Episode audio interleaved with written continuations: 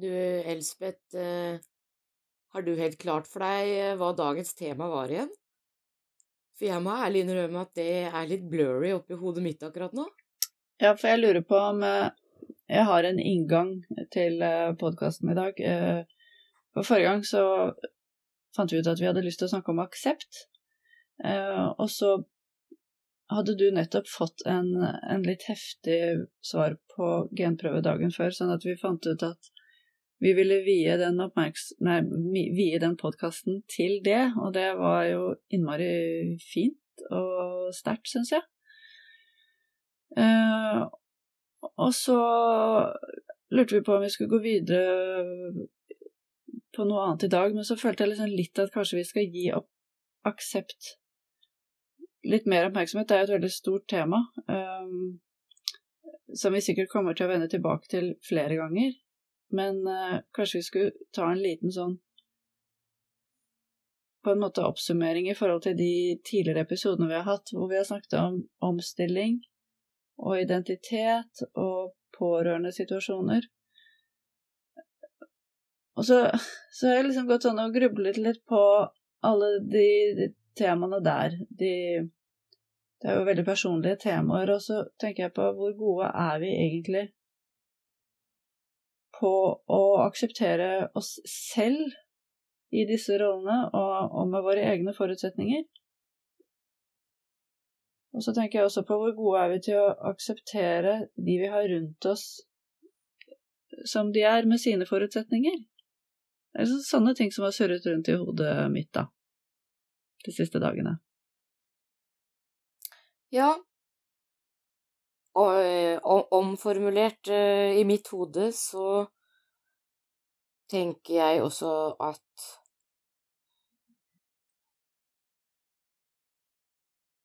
det kan handle om um, ja, hvordan vi forholder oss til de rollene, hvis vi kan kalle det det, som vi har snakket om i de tidligere podkastene som vi har laget. Både når vi er i rollen selv, eller når rollen eh, in, eh, agerer mm. med oss, da. Og at det også i veldig stor mm. grad handler om aksept. Eller at aksept er et element i de settingene, mm. for eksempel. Ja.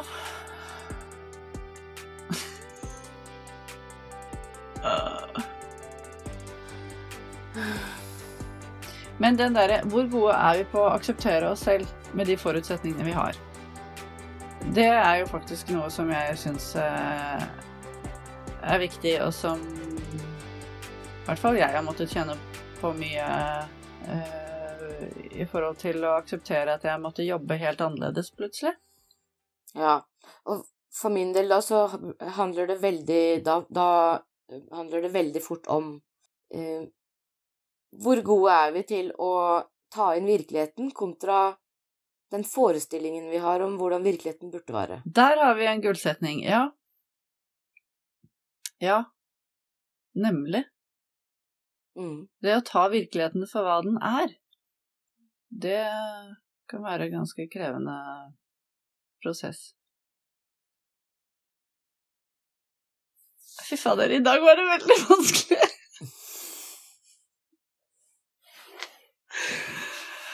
Vet du hva jeg syns er litt interessant med denne podkasten her? Nei. Det, det, har jeg, det, har jeg, også tenkt på disse dagene her. Fordi jeg syns det er så lett å komme inn i en sånn kritisk tankegang. Er, er, det vi sier, fornuftig? Henger det på greip? Får folk noe ut av det vi sier? Eh, eller er det oss selv som bare føler at vi sitter på innmari mye smart Altså, jeg har tusen sånne tanker i hodet. Men så tenker jeg Så i neste øyeblikk, da, så tenker jeg at vet du hva? Vi er det vi er. Vi kommer med det vi kommer med. Vi prøver ikke å utgi oss for noe annet enn den eller de vi er. Eh, sånn som vi sitter og reflekterer sammen over disse temaene, det gjør vi ut ifra hvor vi er i dag. Hadde vi gjort det for ti år siden, så hadde innholdet vært helt annerledes.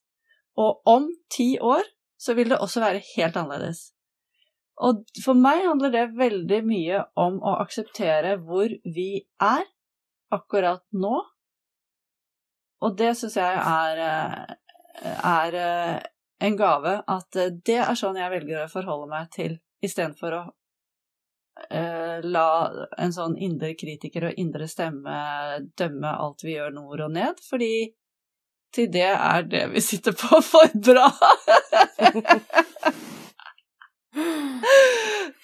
Nei. Nei, men det blir litt sånn man sender ut, og de som har glede av det og ønsker å ta det imot det, vær så god, her er det, og du som ikke vil ha det, trenger ikke å ta det. Det er egentlig ikke verre enn det. Det er ikke verre enn det. Um, nei, det er, det er, helt sant det du sier.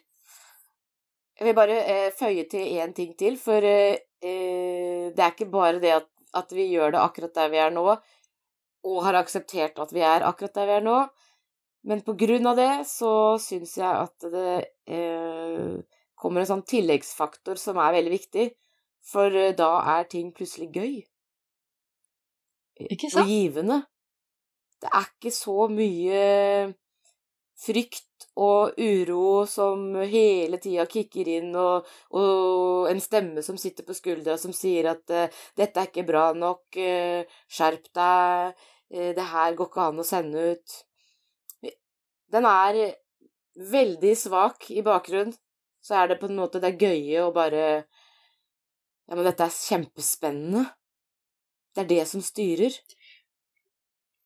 Ja, det er det som styrer, og det som også er gøy eh, med den, det, dette prosjektet vi driver med her, er jo nettopp at da vi skulle Da vi linket opp nå i sted, så var vi begge sånn Fy fader, i dag er jeg så tåkt i huet, og det, vi begge to var Nei, vi er så blurry, hvordan i all verden skal vi gripe an dette her? Og så prøvde vi oss frem og tilbake og stotret og stammet. Og, og hvor begge oss var sånn Ja, men vet du hva, er det så mye å mase med? Fordi at hver gang så så vi finner alltid noe som opptar oss. Vi lar oss alltid drive videre, og, og, og det er det, og det er det som er så fint med det. Og det er jo derfor også vi ikke Vi har liksom noen stikkord, men vi har ikke noe stiv agenda, fordi at da hemmer man seg jo ofte veldig. Ja, det gjør man jo. Sånn at vi Der har vi helt akseptert at ok, da, men så, så ringer vi hverandre, og så For det er jo det vi gjør i denne pandemitiden, vi, og så bor vi jo et stykke fra hverandre. Det, og det er derfor lytterne vil jo høre varierende lydkvalitet, fordi at vi prøver oss frem med hvordan vi sitter og og jeg har variert mellom å sitte ved et skrivebord hvor vi har funnet ut at der kommer lyden av trikken altfor tett på, og nå sitter jeg inne i en hule full av puter og litt tilbake til barndommen med gardiner og pledd liksom rundt og laget en sånn liten hytte rundt meg her da, for å få litt bedre lyd. Ja, det er sånn det er, og det er en, sånn det er en del av prosessen. Eh, og så håper jeg jo at de som hører på, også kan få en sånn inspirasjon til å hive seg litt ut i, i, sånne ting og prøve seg litt frem, og det er vel det, noe av det den pandemitiden har gitt oss. Det har gitt oss en mulighet for å gjøre ting på en annen måte enn det vi har gjort før. Ja, Eh, ja og kaste seg ut i noe nytt. Eh, og dette her handler jo i veldig stor grad også da om å, om å presentere noe som eh, overhodet ikke er perfekt. Uh, fordi vi, vi presenterer det eh, mens vi går læringskurven, for å si det sånn. Ja, det er det vi mm. gjør, og det er, det er, derfor jeg håper at jeg kan eh, inspirere andre til å gjøre noe av det samme, da. Og jeg, nå, jeg fikk litt lyst til å nevne også tilbake til Jeg er jo glad i å være kreativ, det er en ganske sånn stor drivkraft for meg, det er å, å skape ting. Uh, og jeg var i en periode hvor jeg Ja, jeg drev og lagde noe uh, Liksom lagde noe bilder og noe greier, og så merket jeg at nei, nå har jeg lyst til å bare sitte og bruke de materialene jeg har rundt meg, uten å tenke på hvor skal dette være, hva skal det symbolisere, hvor skal det henge, hvem skal se det. Altså jeg bare la alt det til side og bare begynte å skape. Og da var det innmari mye som løsnet. Og det, den oppdagelsen der, den, den, var veldig nyttig. Eh, veldig nyttig å ha med seg, fordi jeg syns det er veldig, veldig lett at vi skal rasjonalisere ting så veldig mye før vi begynner. Vi sier hva, hva skal vi, hvor vil vi, hva vil vi oppnå, hvorfor? Eh, Istedenfor å bare begynne. Ja. Ja, det er nettopp det. Mm. Og det skal jo sies også at uh, ved at jeg uh, uh, tok til meg den, den, tanken den gang, det ble til at jeg har produsert kjempemasse bilder og solgt masse bilder. Ja. Så det ble noe ut av det, faktisk. Ja. ikke til noe kjent kunstnernavn, men det har ikke vært min tanke heller. Tanken min har vært å skape til de som vil ha. Ja. Ja, og jeg syns Mm. jo det, jeg synes det er så spennende det vi driver med nå, for um, de podkastene vi har laget frem til nå, eh, er jo kun basert på, på oss to, og det vi har eh, eh, brakt til bords av temaer. Eh, og jeg er så innmari spent på om vi får noen lyttere, og om noen av de lytterne har lyst til å sende oss innspill. Da tenker jeg, for, for hvem vet hvordan denne podkasten vil se ut etter hvert, da? Det er ikke sikkert den kommer til å, å, å ligne på det her i det hele tatt. Ja, og det syns jeg bare er spennende, da. Ja, Jeg er veldig enig, fordi vi var jo enige om da vi begynte at vi ville helst liksom spille inn et visst antall episoder først, eh, og, og så eh, ja, bli litt sånn vant til mediet, og så og så uh, håpe på underveis nå at, at eh, lyttere sender inn noe, for da, da blir det jo ikke å snakke bare ut fra vårt ståsted, da blir det å bringe inn på en måte noe nytt utenfra. Ja. Og det er jo klart at det vil jo sette preg på, på veien videre. Det vil jo det. eh, For det kan jo representere temaer som ikke vi personlig har streifet borti da, for eksempel. Eh, Og det tenker jeg det er kjempespennende, fordi det vil allikevel vekke noe i oss. Så Mm. Så det hadde vært veldig, veldig moro. Men samtidig så eh, kan det utvikle seg i en helt annen retning også. Det vet vi ikke ennå. Det vet vi ikke ennå. Og det, det er jo mange ting som jeg kan f- Som kan komme til hodet mitt av ting jeg har lyst til at vi skal snakke om. Uh, jeg har lyst til å snakke om, om sorg, det har jeg nevnt for deg tidligere. Jeg har lyst til å snakke om uh, verdivalg. Og jeg er veldig livsinnhold. Unnskyld, nå avbrøt jeg deg. Nei, bare fortsett, du. Jeg har eh, også veldig lyst til å snakke om empati. Det er jeg veldig opptatt av. Ja.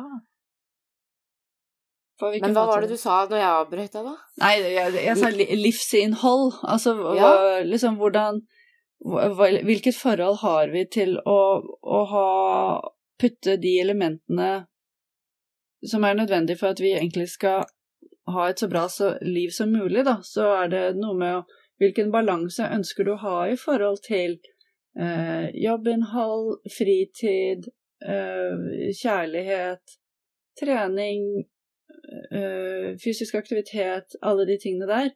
Eh, har du den balansen du ønsker, eller eh, er det noen grep eh, du gjerne vil ta i den sammenheng, som du ikke har fått tatt ennå?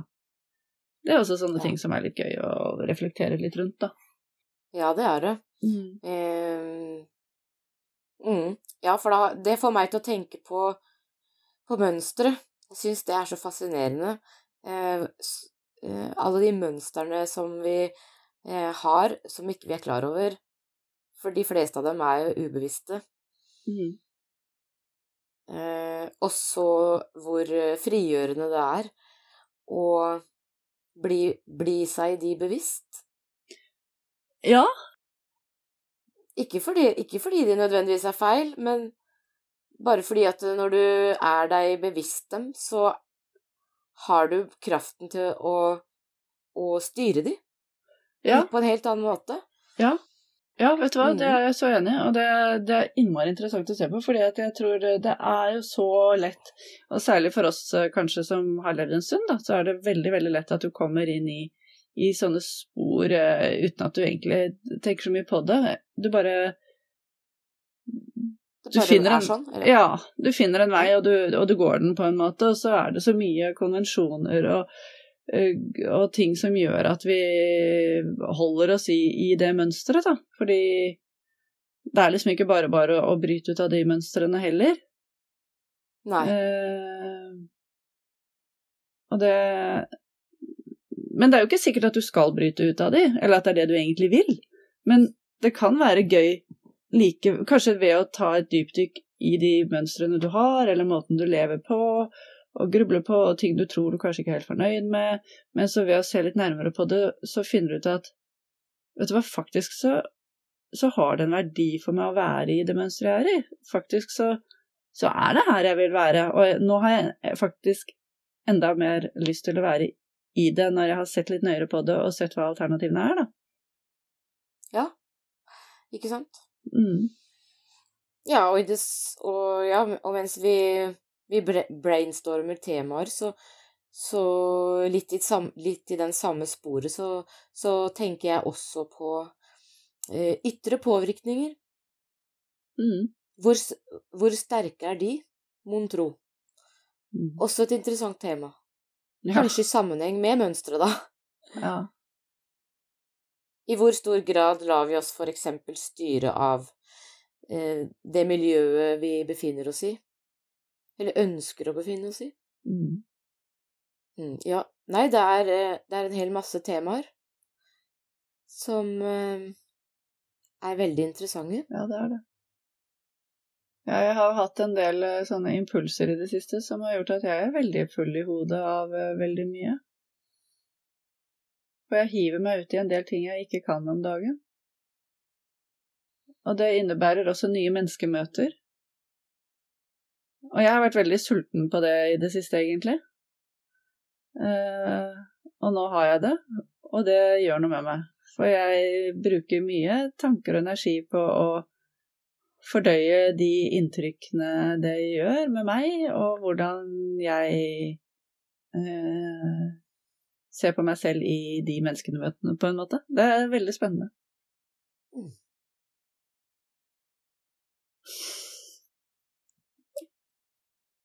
Pause. Ja! Å, herregud! Jeg syns egentlig det her ble veldig bra. Men vi trenger jo ikke å snakke om det i 40 minutter, liksom. Dette var et eventyr! Skal vi bare snakke på noe, og så prøve å bare vende blikket et annet sted? Ja, men jeg trodde ikke jeg ville snakke fra et såpass eh, urolig sted. Eh, det, dette her var innmari rart, men jeg tror For det jeg syns er litt interessant nå, er at, at Nå tenker jeg at vi igjen kan vi bruke sårbarheten vår. Du sitter med det du sitter med i forhold til det vi snakket om i forrige episode, og, og konsekvenser og ringvirkninger av det. Jeg sitter med det jeg nettopp nevnte, at jeg kaster meg ut i så mye jeg ikke kan på en måte for tiden. Det er ikke helt riktig at jeg ikke kan det, da, men jeg, det, er, det er mye nytt jeg, jeg, jeg driver med, med nye menneskemøter. Og, eh, og jeg merker på kroppen at uh, jeg har en datter som uh, studerer i utlandet, og nå, etter å ha vært lenge hjemme pga. pandemien, så skal hun vende tilbake. Og hver gang den siste uken når det nærmer seg at hun drar, så får jeg en sånn mamma-uro i kroppen. Overhodet ikke rasjonell. Jeg, jeg, alt er veldig sånn ryddig rundt det. Men mammahjertet får en, en liten sånn uro i seg. Og det har jeg tydeligvis eh, Det trodde jeg. jeg. Jeg kan gå rundt og føle meg rolig rundt det, men det gjør tydeligvis et eller annet med meg, sånn at jeg er litt rotete i dag. Sånn er det. Fordi avreisedatoen ble bestemt i går, så det er bare noen få dager til hun drar. Eh, og det er helt underlig, men hvorfor jeg nevner dette her, er fordi nå fikk jeg lyst til å si alle disse elementene er med på å påvirke de av oss som eh, har et litt ekstra aktivt eh, sanseapparat. Det er en konsekvens av å være litt høysensitiv. Og det er et ord jeg ikke er så glad i, fordi jeg syns det har På en måte er det veldig fint, da, for det er veldig, det er veldig beskrivende. Men det har blitt litt sånn assosiert med Eller jeg syns det har blitt Det er kanskje min Jeg syns det har blitt litt sånn lettvekterord, samtidig som det er faktisk et ganske det motsatte. Og jeg har jo veldig måttet jobbe med å akseptere at det er sånn jeg er. Altså, jeg må legge inn, uh, legge inn uh, ting i hverdagen som gjør at uh, jeg kommer tilbake til senter og, og, finner en ro, da. Og det lever jeg jo helt fint med, men det har jo en konsekvens, på en måte. Mm. Så dette sier jeg for å nå ut til andre som kan oppleve det samme, at de av og til føler at det skal veldig lite til før de føler seg overveldet, og kan dermed veldig lett føle seg litt svak, og der igjen eh, oppleve grader av skam. Mens eh, jeg har eh, levd med dette såpass lenge nå at jeg føler at det kan være derimot tvert imot en, en styrke over at du har kontakt med hva som skjer i deg. Det var litt om det. Ok, da føler jeg at vi faktisk har sirklet oss inn på eh, et tema eh, å snakke videre om eh, i dag. Det blir litt det, blir, det var veldig fint det du sa, og jeg ser det som en slags fortsettelse av det siste vi nevnte i forrige bolk, da hvor vi ramsa opp litt sånn temaer som vi hadde lyst til å snakke om. Eh, nemlig litt sånn Altså, hva gjør ytre påvirkninger med oss? Og eh, at du trekker inn høysensitivitet, kan jo Det er jo interessant i seg selv.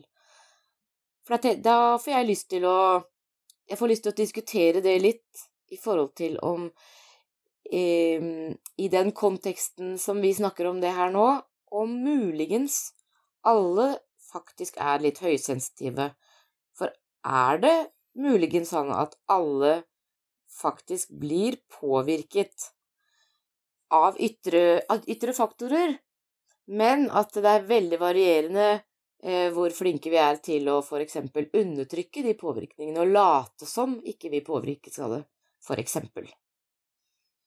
At vi, mm. eh, vi har utviklet mekanismer i oss selv som gjør at vi ikke legger merke til det.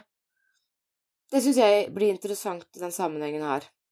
For eh, hvis, man, hvis man snur på det, så kan man jo også stille spørsmålet Ville det ikke være rart om vi ikke ble påvirket av slike ytre faktorer?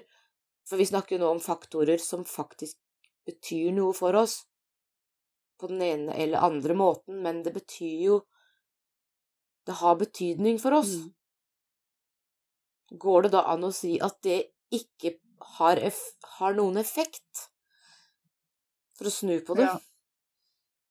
Og blir det riktig, eller blir det ikke riktig å kalle det for høysensitivitet? Eller er det rett og slett at vi er menneskelige? Det syns jeg kunne være interessant. Mm. Ja, det er klart at uh, jeg tror veldig mange, de aller fleste, blir, blir, påvirket i større eller mindre grad, men så er det så forskjellig hvor mye vi tar det inn, og det er vel det som nettopp er utfordringen for høysensitive, er at man, man tar inn ekstra mye, fordi eh, nervesystemet jobber med så mye høyere hastighet eh, for typisk folk som er høysensitive, da.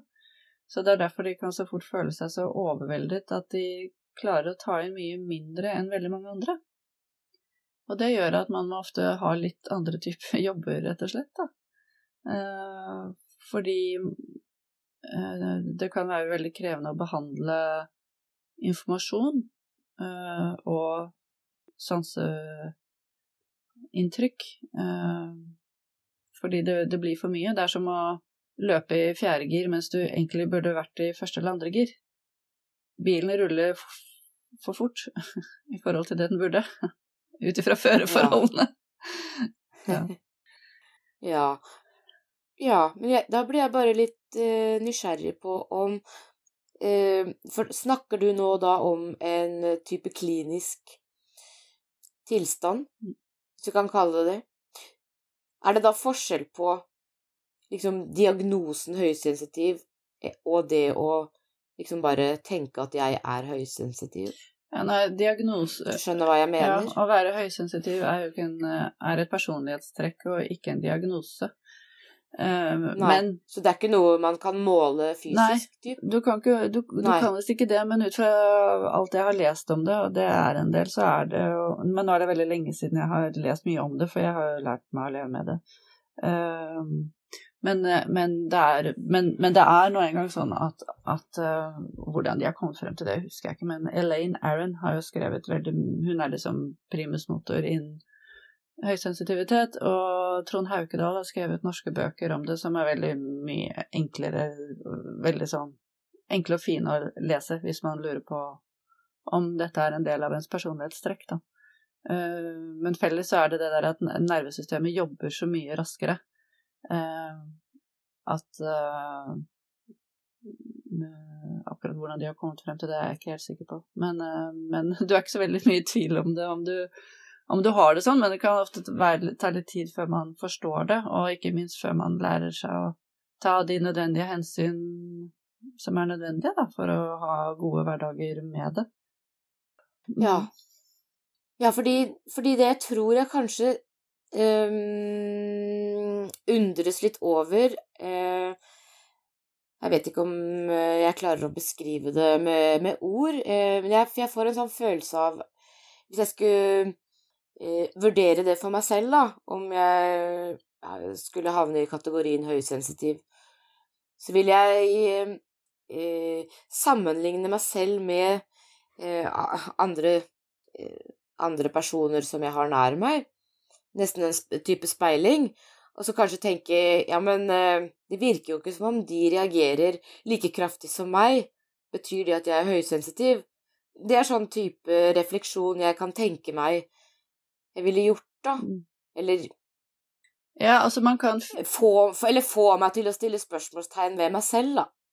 Hvis jeg merker at jeg eh, er liksom avvikende, tilsynelatende, i forhold til de andre jeg omgir meg med, men i forhold til det du sier nå, da, så tenker jeg det behøver ikke nødvendigvis å bety at jeg er høysensitiv. Det kan jo faktisk bety at jeg eh, velger å være mer sårbar, og kanskje at jeg er litt mer bevisst. Ja, det kan det absolutt være, for det er så forskjellig hva som treffer oss. Eller Unnskyld? Ja. Ja, eller mer. Det blir kanskje Det er faktisk feil å si, fordi på det området så er jeg mer bevisst enn den andre, men det trenger jo ikke være eh, regelen eh, for alle områder. Nei. Jeg vil jo aldri speile, speile hele meg mot en hel annen, det er jo helt umulig. Mm. Så det er ikke liksom Det er ikke det jeg mener. Men vi speiler oss jo mot andre. Vi måler oss jo selv mot andre. Ja, det har vi jo veldig lett for å gjøre. Men eh, tenker du nå på hvordan man finner ut om man er høysensitiv eller, eller ikke, eller hva tenker du på? Ja, eh, ikke nødvendigvis, men om, om, om eh, eh, man kan havne der at man begynner å vurdere det fordi man legger merke til eh, et avvik hos seg selv i forhold til andre. Og eh, litt det du nevnte innledningsvis her òg, at høysensitiv, ordet høysensitiv eh, er eh, stigmatisert med noe som gjør at man da også lett faller i den gropa at man tenker da er det noe feil med meg. Ja, det kan du si. Jeg tror vi har jo dessverre veldig lett for å tenke at det er noe feil med meg. Da er vi jo inne på det å akseptere at man er som man er igjen. Men eh, jeg vil bare først si, hvis man lurer på om man er høysensitiv, så er det veldig lett eh, I de bøkene jeg nevnte i sted, så er det sånne spørre... Det kan man finne på nettet, og sånne spørreskjemaer. Altså hvis du føler at du kjenner deg igjen i gjentagende Hvis du ser på de spørreskjemaene flere ganger, og du ser gjentagende at du føler at de treffer deg så veldig, så er det på en måte litt sånn pekepinne at ja, ok, da, er du, da har du et eh, aktivt sanseapparat, og du blir påvirket av en del elementer i livet. Eh, og sånn er det. Og i møte med andre mennesker så merker jeg jo selv at noen ting tar jeg jo inn som en svamp, mens andre ganger så kan jeg plutselig på en måte gå i en litt sånn ok, forsvarsmodus, og så, så, så kan det nesten sikkert se ut som for den andre at jeg omtrent har meldt meg ut. Uh, og det betyr ikke at jeg har det, men, men, du skrur av Akkurat som kroppen skrur litt sånn av og på en sånn av og på-knapp litt selv, da, fordi at jeg, jeg, kan jo ikke ta inn absolutt alt. Det er liksom visse grenser, og da, da kan jeg merke at ops, hit, men ikke lenger.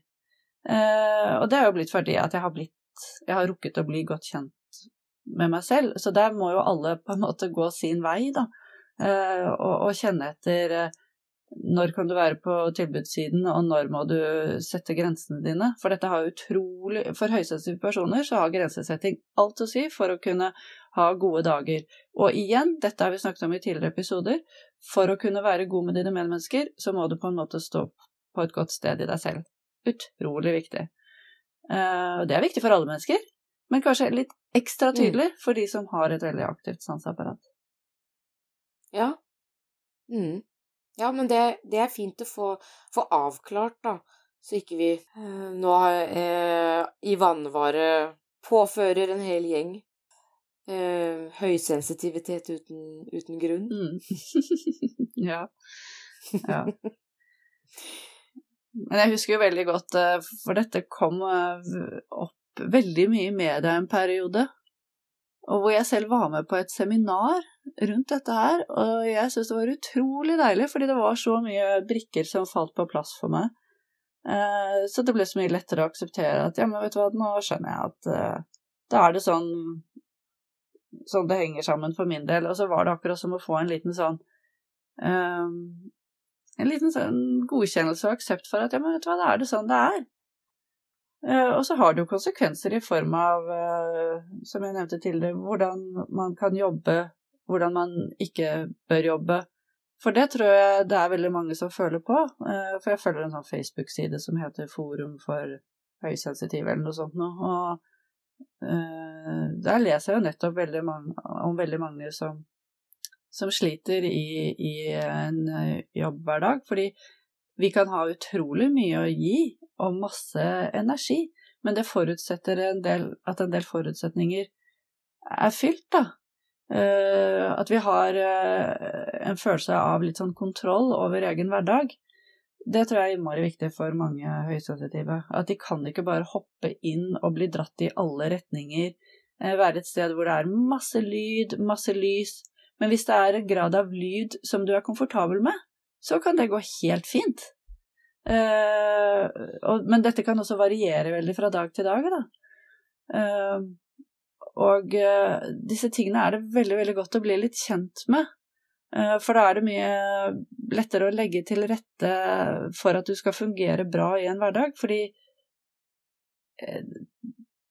jeg tror det er helt sikkert tror jeg, da, mange høysensitive som kanskje ender faktisk litt med å være sykemeldt, men det hadde de kunnet unngå hvis arbeidslivet og arbeidsgiver var litt kjent med hva dette egentlig handler om.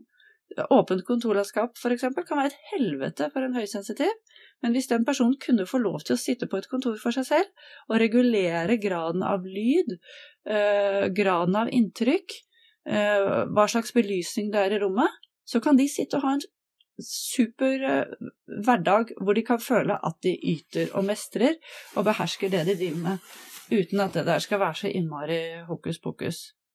Uh, og dette skulle jeg virkelig ønske det kunne være litt mer eh, kunnskap og aksept overfor. Så ja. Uh, ja, og jeg klarer ikke helt å, å fri meg fra at liksom alt det, alt det du snakker om, det er også aktuelt, selv om du ikke nødvendigvis er høysensitiv, da. Ehm, for, for vi er jo alle så eh, forskjellige, og vi blir jo påvirket forskjellig av vårt ytre miljø, da.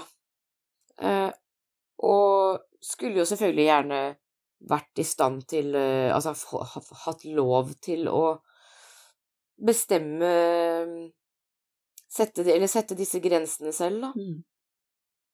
Men er det liksom praktisk gjennomførbart? Det er jo det store Altså, det blir jo det store dilemmaet der ute når ja, for eksempel på en arbeidsplass da, hvor det er mange mennesker som skal fungere sammen. Så jeg, jeg forstår jo problematikken.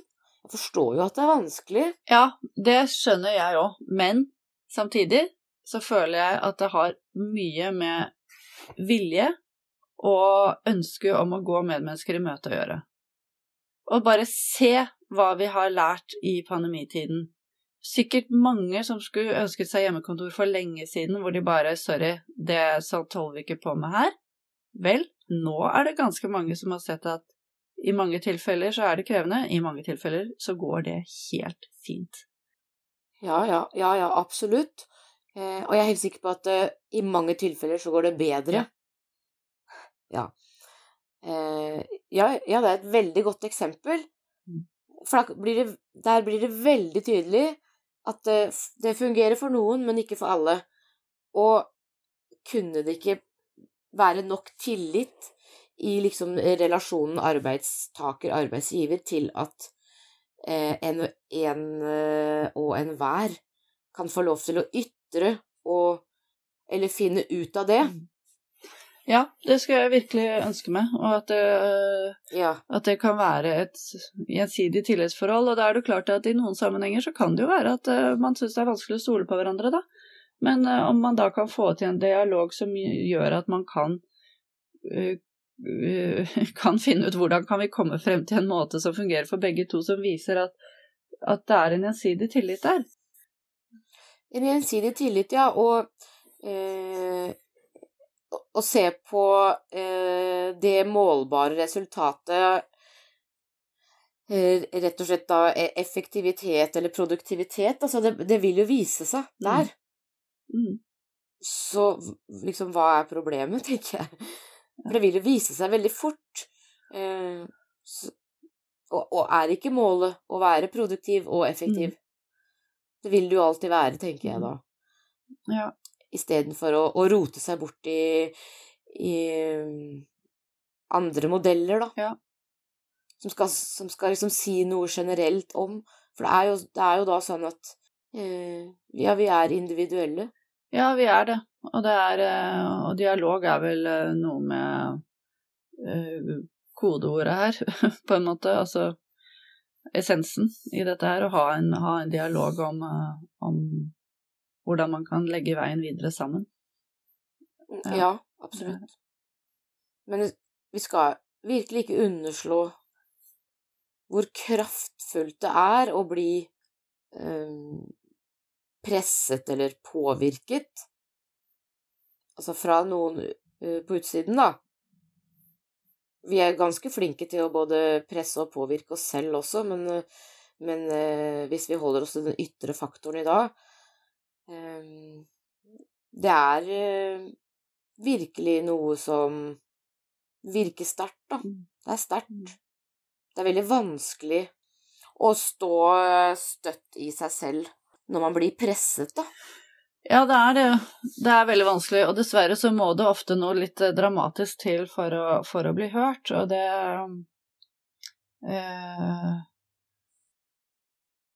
Ja, i forhold til å bli presset utenifra og eh, kalle det kjempe, kamp kjempe en kamp for å bli hørt, så er jo da min erfaring at løsningen for det er jo faktisk da å gå noen runder med seg selv, da. Eh, å bli bedre kjent med seg selv er for meg det løsningen som fører til at jeg da faktisk klarer å stå stødigere i meg selv mm. i press. Mm. Fordi at det, det presset utløser Vekker ting i meg som har karakter av frykt og uro og smerte som jeg er redd for. Jeg har ikke lyst til å eh, kjenne det. Nei. Sånn at jeg eh, liksom Det automatiske i meg eh, heller da mot å liksom flykte fra det. Mm. Og ergo også da eh, kanskje liksom gjøre det, det presset som jeg opplever fra den ytre faktoren, eh, enda sterkere, og eh, få meg også til å ønske da å kaste hele ansvaret den veien, da. Mm. Og gjøre det enda styggere og slemmere enn det det kanskje faktisk er. Mm. Men hvis jeg velger å på en eller annen måte møte det som vekkes i meg av smerte, uro eller frykt, det gjør at det blir litt svakere, og jeg blir bedre kjent med meg selv. Jeg forstår mer av meg selv, da. Mm.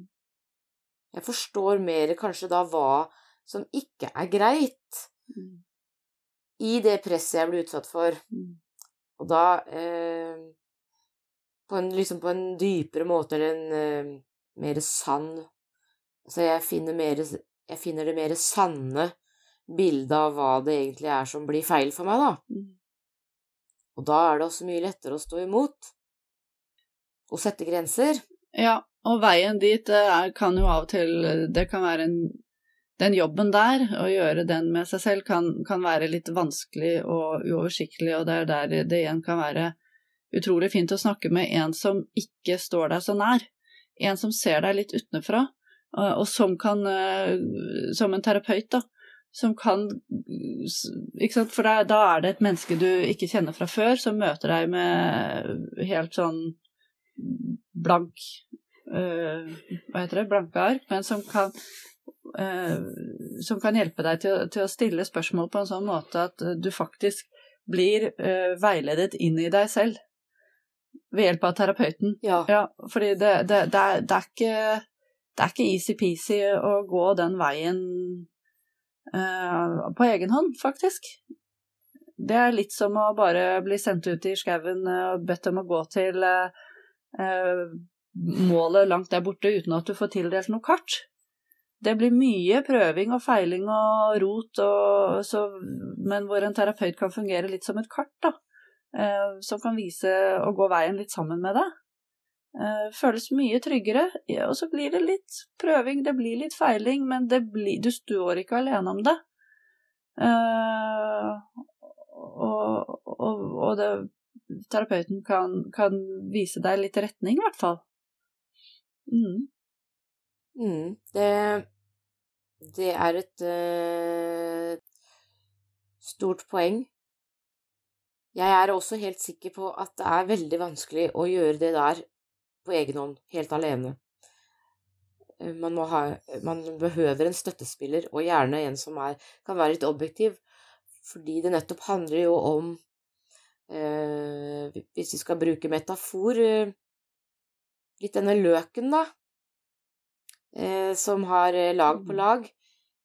Fordi det vi kanskje greier å få tak på selv, det er det ytterste laget, men vi er eh, Vi trenger eh, hjelp til å skrelle av det ytterste laget. Fordi eh, det lag det, det eller de lagene som ligger under, tror vi er skremmende og farlige, som en generell regel. Og Mm. da er vi eh, helt automatisk går vi da for å unngå det. Og eh, ja, jeg tenker det liksom er liksom essensen i det at ja eh, Bruk noen som evner å være litt objektive og litt nysgjerrige på dine vegne, da. Ja. Det var veldig fint sagt. Litt nysgjerrig på dine vegne. Det syns jeg var fint. Det appellerte til meg, i hvert fall. Du Mette, dette her har vært en ganske gøyal episode, fordi fra å være tåkete og blurry og rotete, så har vi nå egentlig brukt det, det den uroen og det litt surret til å berøre veldig mange temaer. Vi har faktisk det i dag, ja. Så Ja, vi har det. Så nå lurer jeg litt på, skal vi rett og slett bare stoppe her og si tusen takk for praten? tusen takk for praten, Elspeth. Vi snakkes!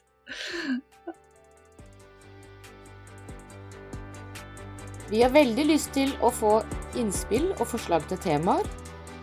Og det sender du til enten mette.gravdal alfakrøll gmail.com eller elsmon at online.no. Du hørte nå podkasten Takk for praten med samtaleterapeutene Mette Gravdal og Elsbeth Monsen.